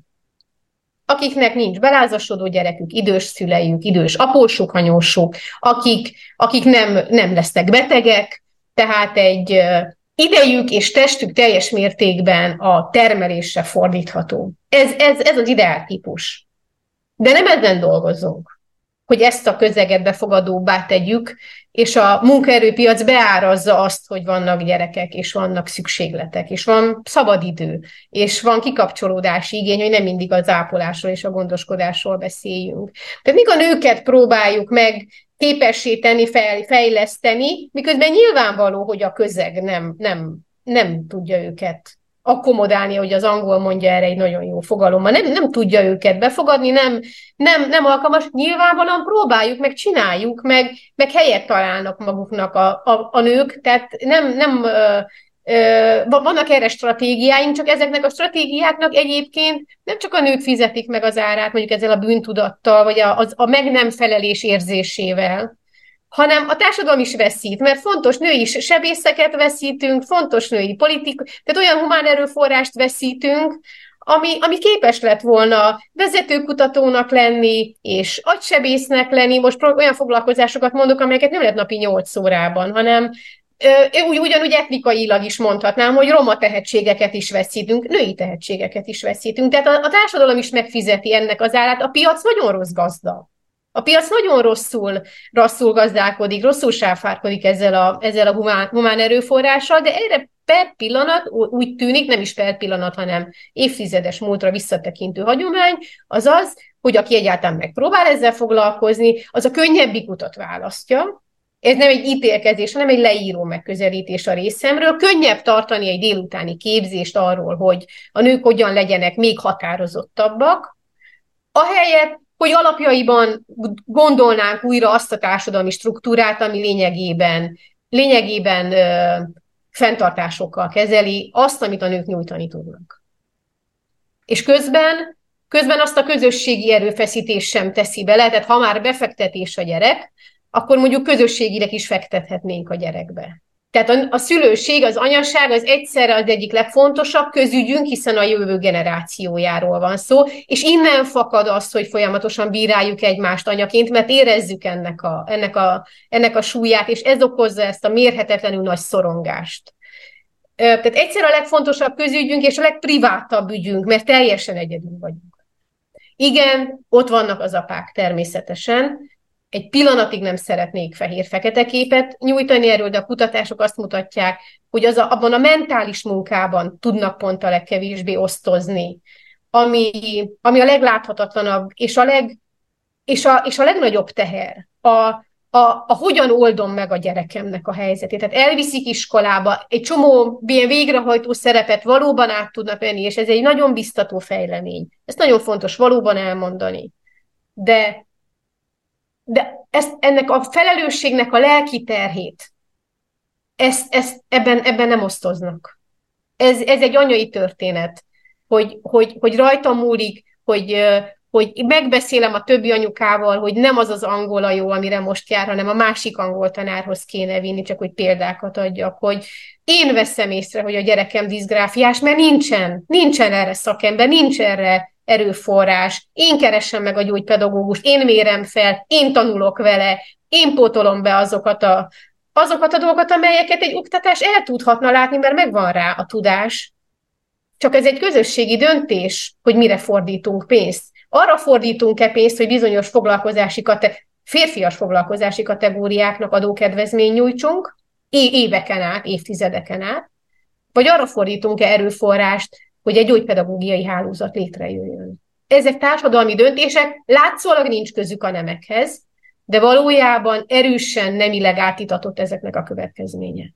Jó, van még két témám, megpróbálom, hogy szeretném, hogyha egy kicsit röviden még érintenénk őket, mert szerintem fontosak. Igazából az első, ezt már sok esetben itt sok téma kapcsán érintettétek, ez a férfiakhoz kötött vezetői szerepek, vagy egyáltalán miért kötjük a férfiakhoz a vezetői szerepeket, és hogyan lehetne őket leépíteni egy olyan kontextusban, amiben ugye azt látjuk, hogy pont sok esetben ugye a gyerekvállalás miatt a nőnek nincsen lehetősége olyan iramban meglépni azokat a lépcsőfokokat, amiket ugye a férfiak meglépnek. Tehát most például gondolok akár az akadémiai karrierre, egy férfiből hamarabb lesz professzor, mert ugye neki van, nem tudom, abból, amit ugye felvítettünk ide, hogy milyen felelősségei vannak az anyának, ehhez képest az apának van ideje teljesíteni azokat a publikációs elvárásokat, és további ilyen-olyan egyetemekkel kapcsolatos elvárásokat, amik őt igazából elősegíti abban, hogy előbbre is előbbre jusson, de a másik nagyon érdekes példa, és ezt is már nagyon röviden említettük, hogy nincsenek női vezető politikusok, és most itt gondolok akár az RMDS-re, hogy nincsen,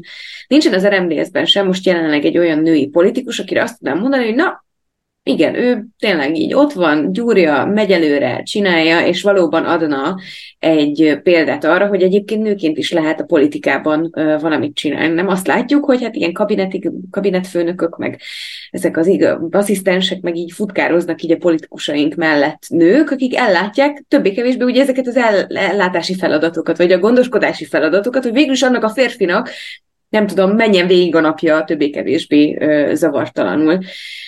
És ugye ezekre az egyenlőtlenségekre még Karola is idézte a cikkében, és én is beolvasnám ide, mert szerintem egy nagyon jó idézet a Jonela Baluca-tól, aki ugye azt, történ- azt mondja itt a, a bérkülönbségek és, és az egyenlőtlenségek kapcsán, hogy ez történik, ha a törvények és közpolitikák csak papíron léteznek, ha politik- politikai nyilatkozatok mögé bújunk az EU szeme elől, de valójában a nemek közötti egyenlőség politikai támogatása egyenlő a nullával. Ez történik, amikor egyre több támadás éri a nemek közötti egyenlőséget a közéletben és a gender tudományokat az egyetemen és a többség nem látja, vagy úgy tesz, mintha nem értené. Már elmondtam, de elmondom újra, amíg csak tudom, a nemek közötti egyenlőség jelzi a demokrácia minőségét. Aki ellenzi a nemek közötti egy egyenlőséget, az antidemokratikus. Hogyha esetleg van ehhez hozzáfizendő gondolatotok, nem feltétlenül tennék most fel ide kérdést. A, már a kérdést el is felejtettem az elején, ami a fia, hogy a miért férfi vezetők, hát hogyha csak egy hashtagbe fogalmaznék, akkor azt mondanám, hogy history, uh, hogyha meg egy kicsit uh, um, kibontanám, akkor um, mikor, mikor nyílt meg egyáltalán ez a pálya nők számára? Ez nem olyan rég nyílt meg, ennek nincs sok száz éves története, hogy, hogy nők is lehetnek vezetők. Még akkor is, hogyha volt Mária Teréziánk, meg akkor is, hogyha, hogyha azért a történelem fel tud sorolni néhány uh, női vezető alakot, azért, azért ennek nincs egy társadalmi hagyománya. Um, és ez is nagyon szorosan összefügg pont azzal, ahonnan kezdtük ezt a beszélgetést, hogy milyen trekkekre, milyen, milyen pályákra állnak a, a lányok, és milyenre a fiúk. És azokon a pályákon, ahol többségében nők vannak, ott, ott nem jelentkeznek ezek a vezetői pályák nagyon, nagyon nagy tömegével. Tehát, hogy azokon a pályákon módszertani vezető lehet lenni oktatásban, vagy mondjuk a iskola igazgató lehet lenni, amire most már egyre több nő példa is van, de az iskola vezetést most már teljes adminisztráció, vagy szociális adminisztráció már nagyon-nagyon kevés szól az oktatás tartalmáról, amit egy vezető meghatározhat, hanem inkább szociális ügyeket intéznek, ösztöndíjakat intéznek, meg olyan, olyan sokféle adminisztrációt folytatnak, ami megint csak nem egy diadalittas pálya, hanem egy nagyon-nagyon nagy munka és irodában ülés egész nap, vagy, vagy milyen vezetőnői, ápolónői pálya, hogy ő a, ő a fő ápolónő, tehát hogy milyen még középvezetői pozíció is kevés adatik ezeken a pályákon, ahol sok nő van. És akkor egy kicsit beszélnék a, a tudományos pályáról, mert hogy ezt mind a ketten éljük Rékával, és, és mind a ketten egy kicsit néha vizsgáljuk is. Csak a Covid időszakot nézzük, amikor köztudott, hogy, hogy a, a otthoni gondviselői, az a care work meg, megnőtt, vagy meg sokszorozódott, akkor nagyon sok férfi kolléga hirtelen tanulmányokat és könyveket írt. A, a, a nők az akadémiában, akik kisgyereket neveltek, azok meg, azok meg főztek, és gyereket szórakoztattak, és, és tanítottak, mert hogy az ügyeiket intézték, közben természetesen, vagy azt is mondják a kutatási eredmények, hogy a, az egyetemen oktató nők az egyetemen is több gondoskodási feladatot vállalnak, nem feltétlenül nem kötelező módon, hanem hogy ezt a gondoskodási munkát ott, oda is beleteszik a diákjaikkal való foglalkozás a közösségépítésben, és akkor megint kevesebb idő marad a kutatásra és, a, és arra, a, arra a pályára, ahol, ahol ami nemzetközi szinten hozza a, a a hoza, tehát aminek hozadéka van, és amitől, amitől egy szakmai akadémiai pálya felfele ível. Vagy tehát, hogy sok, vagy a bababírság, hogy azt, azt mondjuk, vagy azt mondják a kutatások, hogy hogy mindenki megfizeti a, a gyereknevelési bírságot, akkor vagy pályája elején, vagy közepén, tehát teljesen mindegy, hogy mikor születik, vagy születnek a gyerekek, ez akkor is kiesés a pályáról, és akkor is visszafejlődés, mert hogy úgy sem lehet tartani az ütemet, csak akkor, hogyha ez a, ez a pályán, vagy ezen a pályán nagyon nagy a támogatottság a közösség részéről például, ha az, értekezleteket iskolaidőre teszik, tíztől kettőig, vagy valamilyen, de hogy hány intézményben figyelnek erre oda, kérdezem költőjen.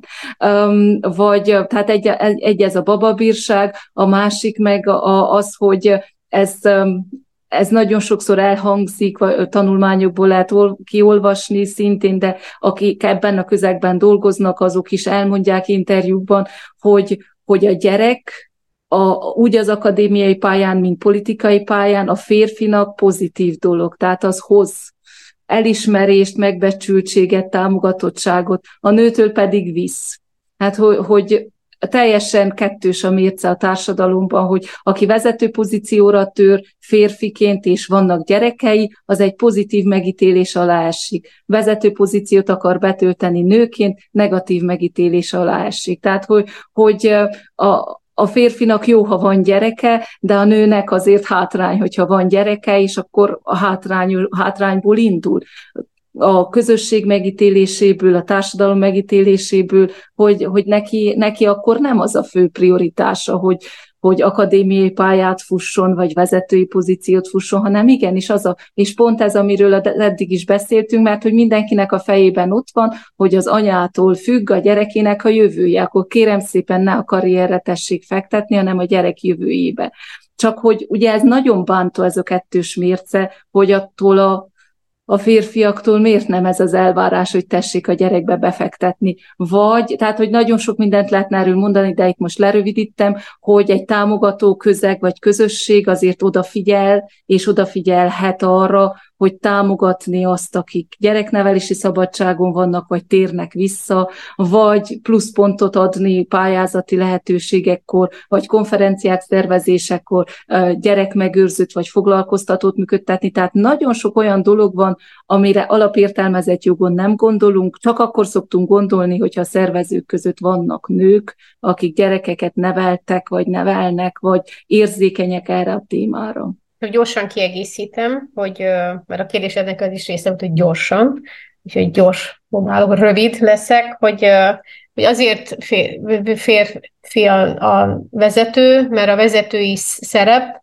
az egy társadalmi szerepeiben férfi lehet csak. És itt fontos, hogy társadalmi szerepeiben lehet nő is, tehát testileg lehet nő is, de társadalmi szerepeiben úgy kell viselkednie, mint egy férfinak.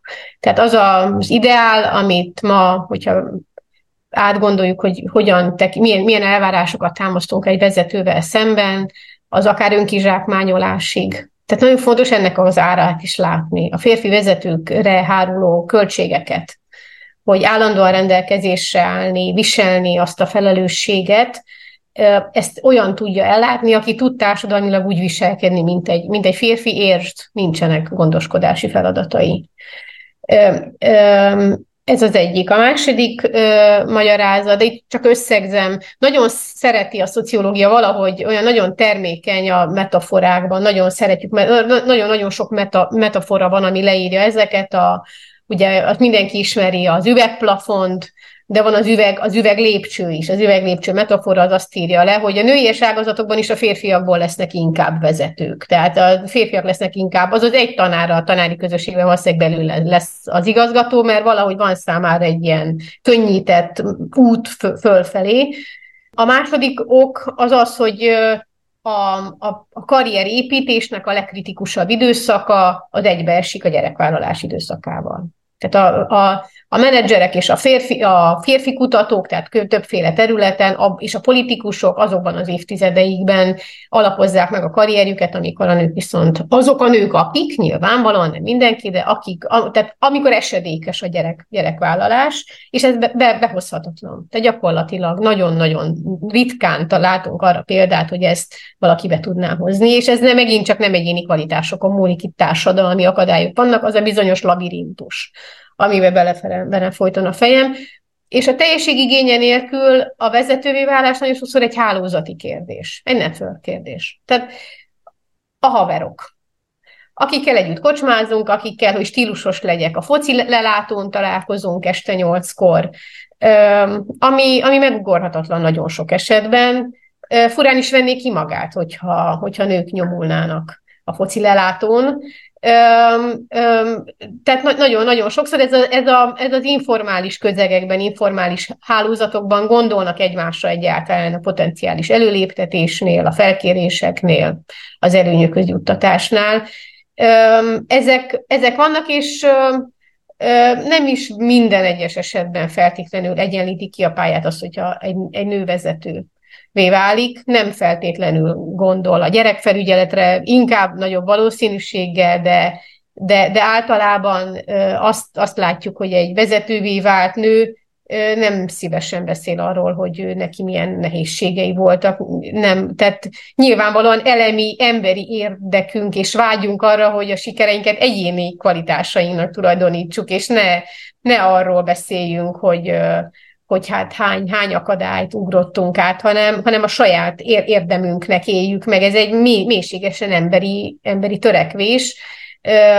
Ráadásul osztálykérdés, tehát a, a, a női vezető a varróda élén nem biztos, hogy a varrónők sajátos társadalmi helyzetére rálát, és rá kíván látni, és próbál ezen segíteni. Szóval itt, itt a társadalmi osztályt nem is hoztuk ma be, csak a beszélgetés legelején, és úgy sejtem, hogy most a, most a legvégén. Tehát az, hogy egy felső középosztálybeli nőből vezetői válik attól a sokak, a 99%-nyi nőnek az élet lehetőségei hát vagy mi kevéssé változnak. Csak azért mondtam, hogy gyorsan-gyorsan, hogy uh, ti, időt, ti időtökkel se éljek vissza, és hogy nyilván a műsoridő is egy hallgatható intervallumon belül maradjon. De még az utolsó téma, amiről szeretnék beszélni, mert ezt végül is Orsi a beszélgetés elején már említette, és szerintem nagyon fontos, ez pedig a, a női reprezentáció kérdése a médiában. Mert ugye ezt már említetted, hogy ez nagyon fontos lenne, hogy mondjuk ez valamennyire változzon, hiszen mekkora hatással van az életünkre.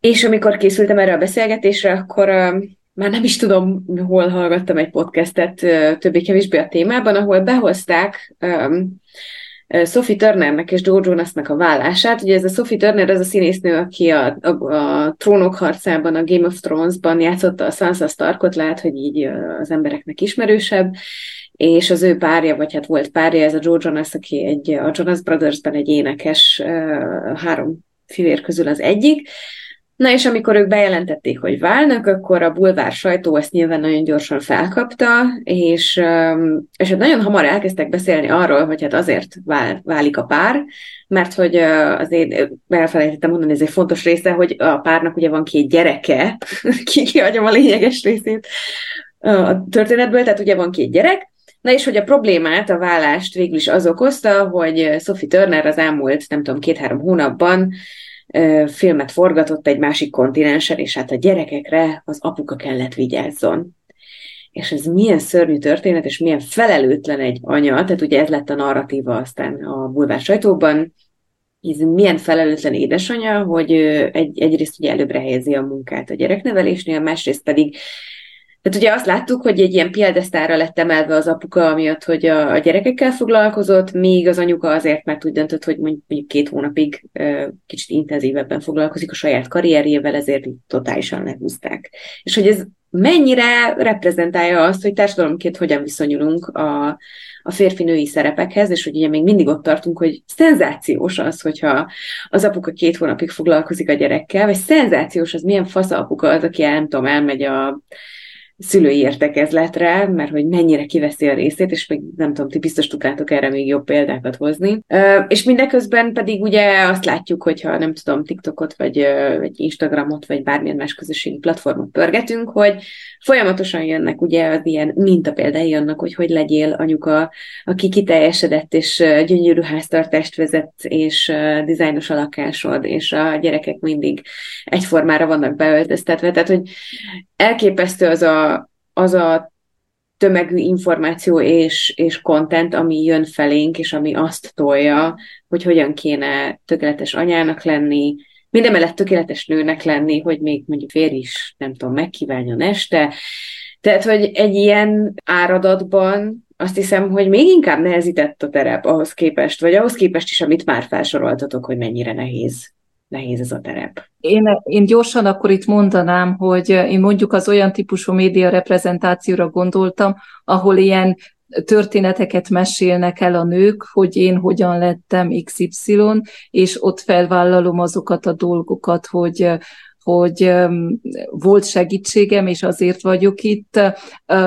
Nagyon sokszor elbuktam, nagyon sok akadály volt, de tehát, hogy nem az a, az a csilli-villi például, hogy nálam minden tökéletesen működött, és nem is ez a bulvár, hogy, hogy szenzáció, hanem hogyha ha sokat látunk, vagy sokféle történetet látunk, akkor elhiszük, hogy nem csak egynek sikerülhet, vagy nem csak egy képes, de hogy ahhoz szükséges az is, hogy lássuk az akadályokat is az ők történeteikben. Mondok egy példát, a Nőileg magazinban megjelen, fut egy ilyen sorozat, hogy uh, tudós nők, és ezekből az interjúkból írtam egy elemzést, hogy a megkérdezett nők, akik tudományos pályán vannak és sikeresek, háromnegyede deklaratívan azt mondja, hogy őt nem hátráltatta a pályán az, hogy nő.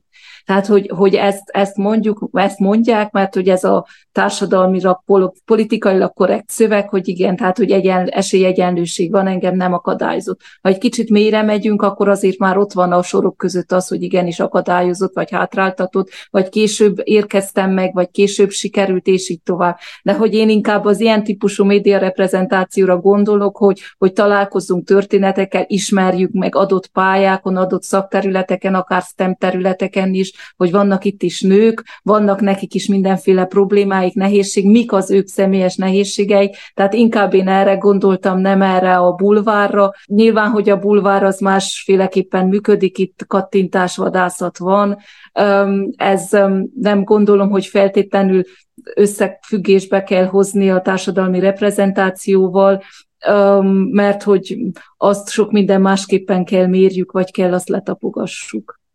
Igen, ezért fontos egy kicsit, tehát hogy az a jó, amit te mondasz, mert hogy ugye erről kéne szóljon, vagy hogy ez, ez kéne, ha fajsúlyos legyen a média reprezentációban. Azok a példák, amiket te mondtál, de hogyha én a saját példámat nézem, hogy amikor úgy döntök, vagy nem döntök annyira tudatosan, de néha így elmerülek így az Insta a rabbit holjában, akkor az jön felém, akarva akaratlanul, hogy hogy legyek én valamilyen, amilyen nem vagyok, vagy hogy tudod, hogy így egy, egy világ, egy megkreált virág azt diktálja felém, hogy kb. ilyennek kéne lennem, és ez szerintem mm, most már azért vagyunk mi is annyira így a globalizáció része, hogy ez bármelyik erdélyi nőt, akinek van egy okos telefonja, ez így utoléri, tehát, hogy ez egy szerintem egy valós, nem is tudom, ilyen veszélye, akár veszélynek, akár ilyen jelenlétnek lehet megélni, hogy, hogy ez van, ezzel valamit kell kezdeni, és az egyik példája, vagy jó, jó példája az az, amit te mondasz, hogy, hogy mit kéne előtérbe helyezni, vagy akkor hogyan kéne úgy egyáltalán reprezentálni a nőt a médiában.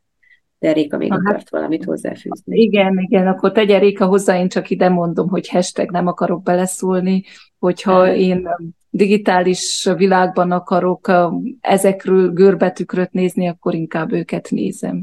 Így van, igen.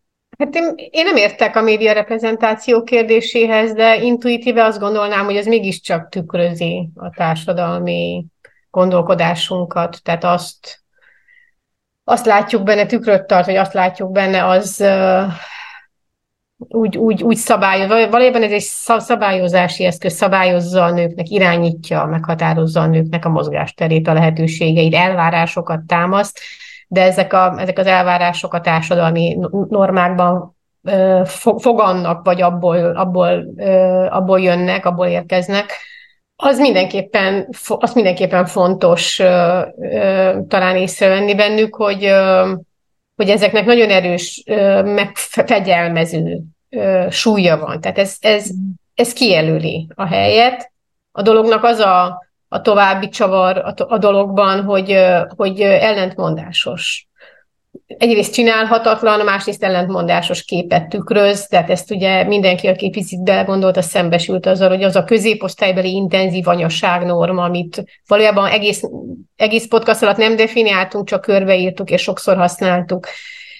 Ez az intenzív anyassági norma, ez, ez attól is nagyon kemény dió a mindennapokban, hogy, hogy, hogy ellentmondásos, hogy nagyon könnyű benne hibázni, mert mert egyik hang, egyik szakértő, egy hatalmas, egy hatalmas szakértői hadsereg jött létre. Egy, egy teljes ipar van, hogyha belegondolunk. Gyermeknevelési tanácsadóból ma igen sokat találunk. Önjelöltekből, valóban erre feljogosítottakból, aki pályát szeretne, karriert szeretne magának építeni, a legbiztosabb valamilyen irányban gyermeknevelési tanácsadóvá szegődni, mert az, az arra biztosan van manapság kereslet, és elég jelentős ellentmondások is vannak. Tehát aludj egy, együtt a gyerekeddel, vagy ne aludj együtt a gyerekeddel, hogy csak egy nagyon egyszerű példát hozzak mondjuk a csecsemő korból. Tehát nagyon könnyű hibázni ezekben.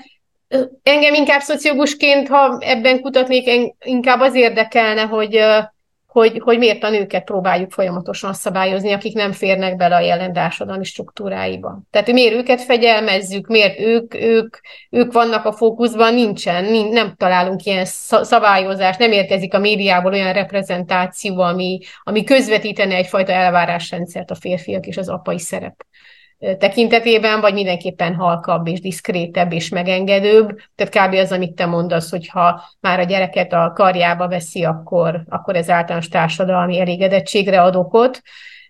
Cserében a nőket olyan elvá- vagy az anyákat olyan elvárások elé állítják, amelyek gyakorlatilag az ellenmondásosságuk és a kivitelezhetetlenségük okán is csak frusztrációt tud eredményezni.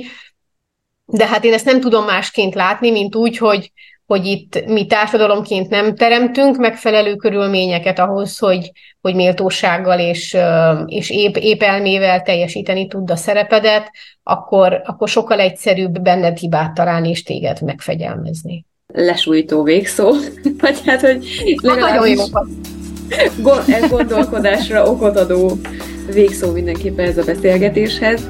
Én nagyon-nagyon szépen köszönöm, hogy itt voltatok, és megosztottátok ezeket a gondolatokat velem és hát a hallgatókkal, úgyhogy Gergely Orsolya és Gyámbás Uréka, köszönöm szépen, hogy itt voltatok a műsorban. Nektek hallgatóknak is köszönöm szépen, hogyha itt voltatok, és mostanáig kitartottatok velünk. Ha minden igaz, akkor találkozunk jövő héten. Addig is minden jót nektek, sziasztok!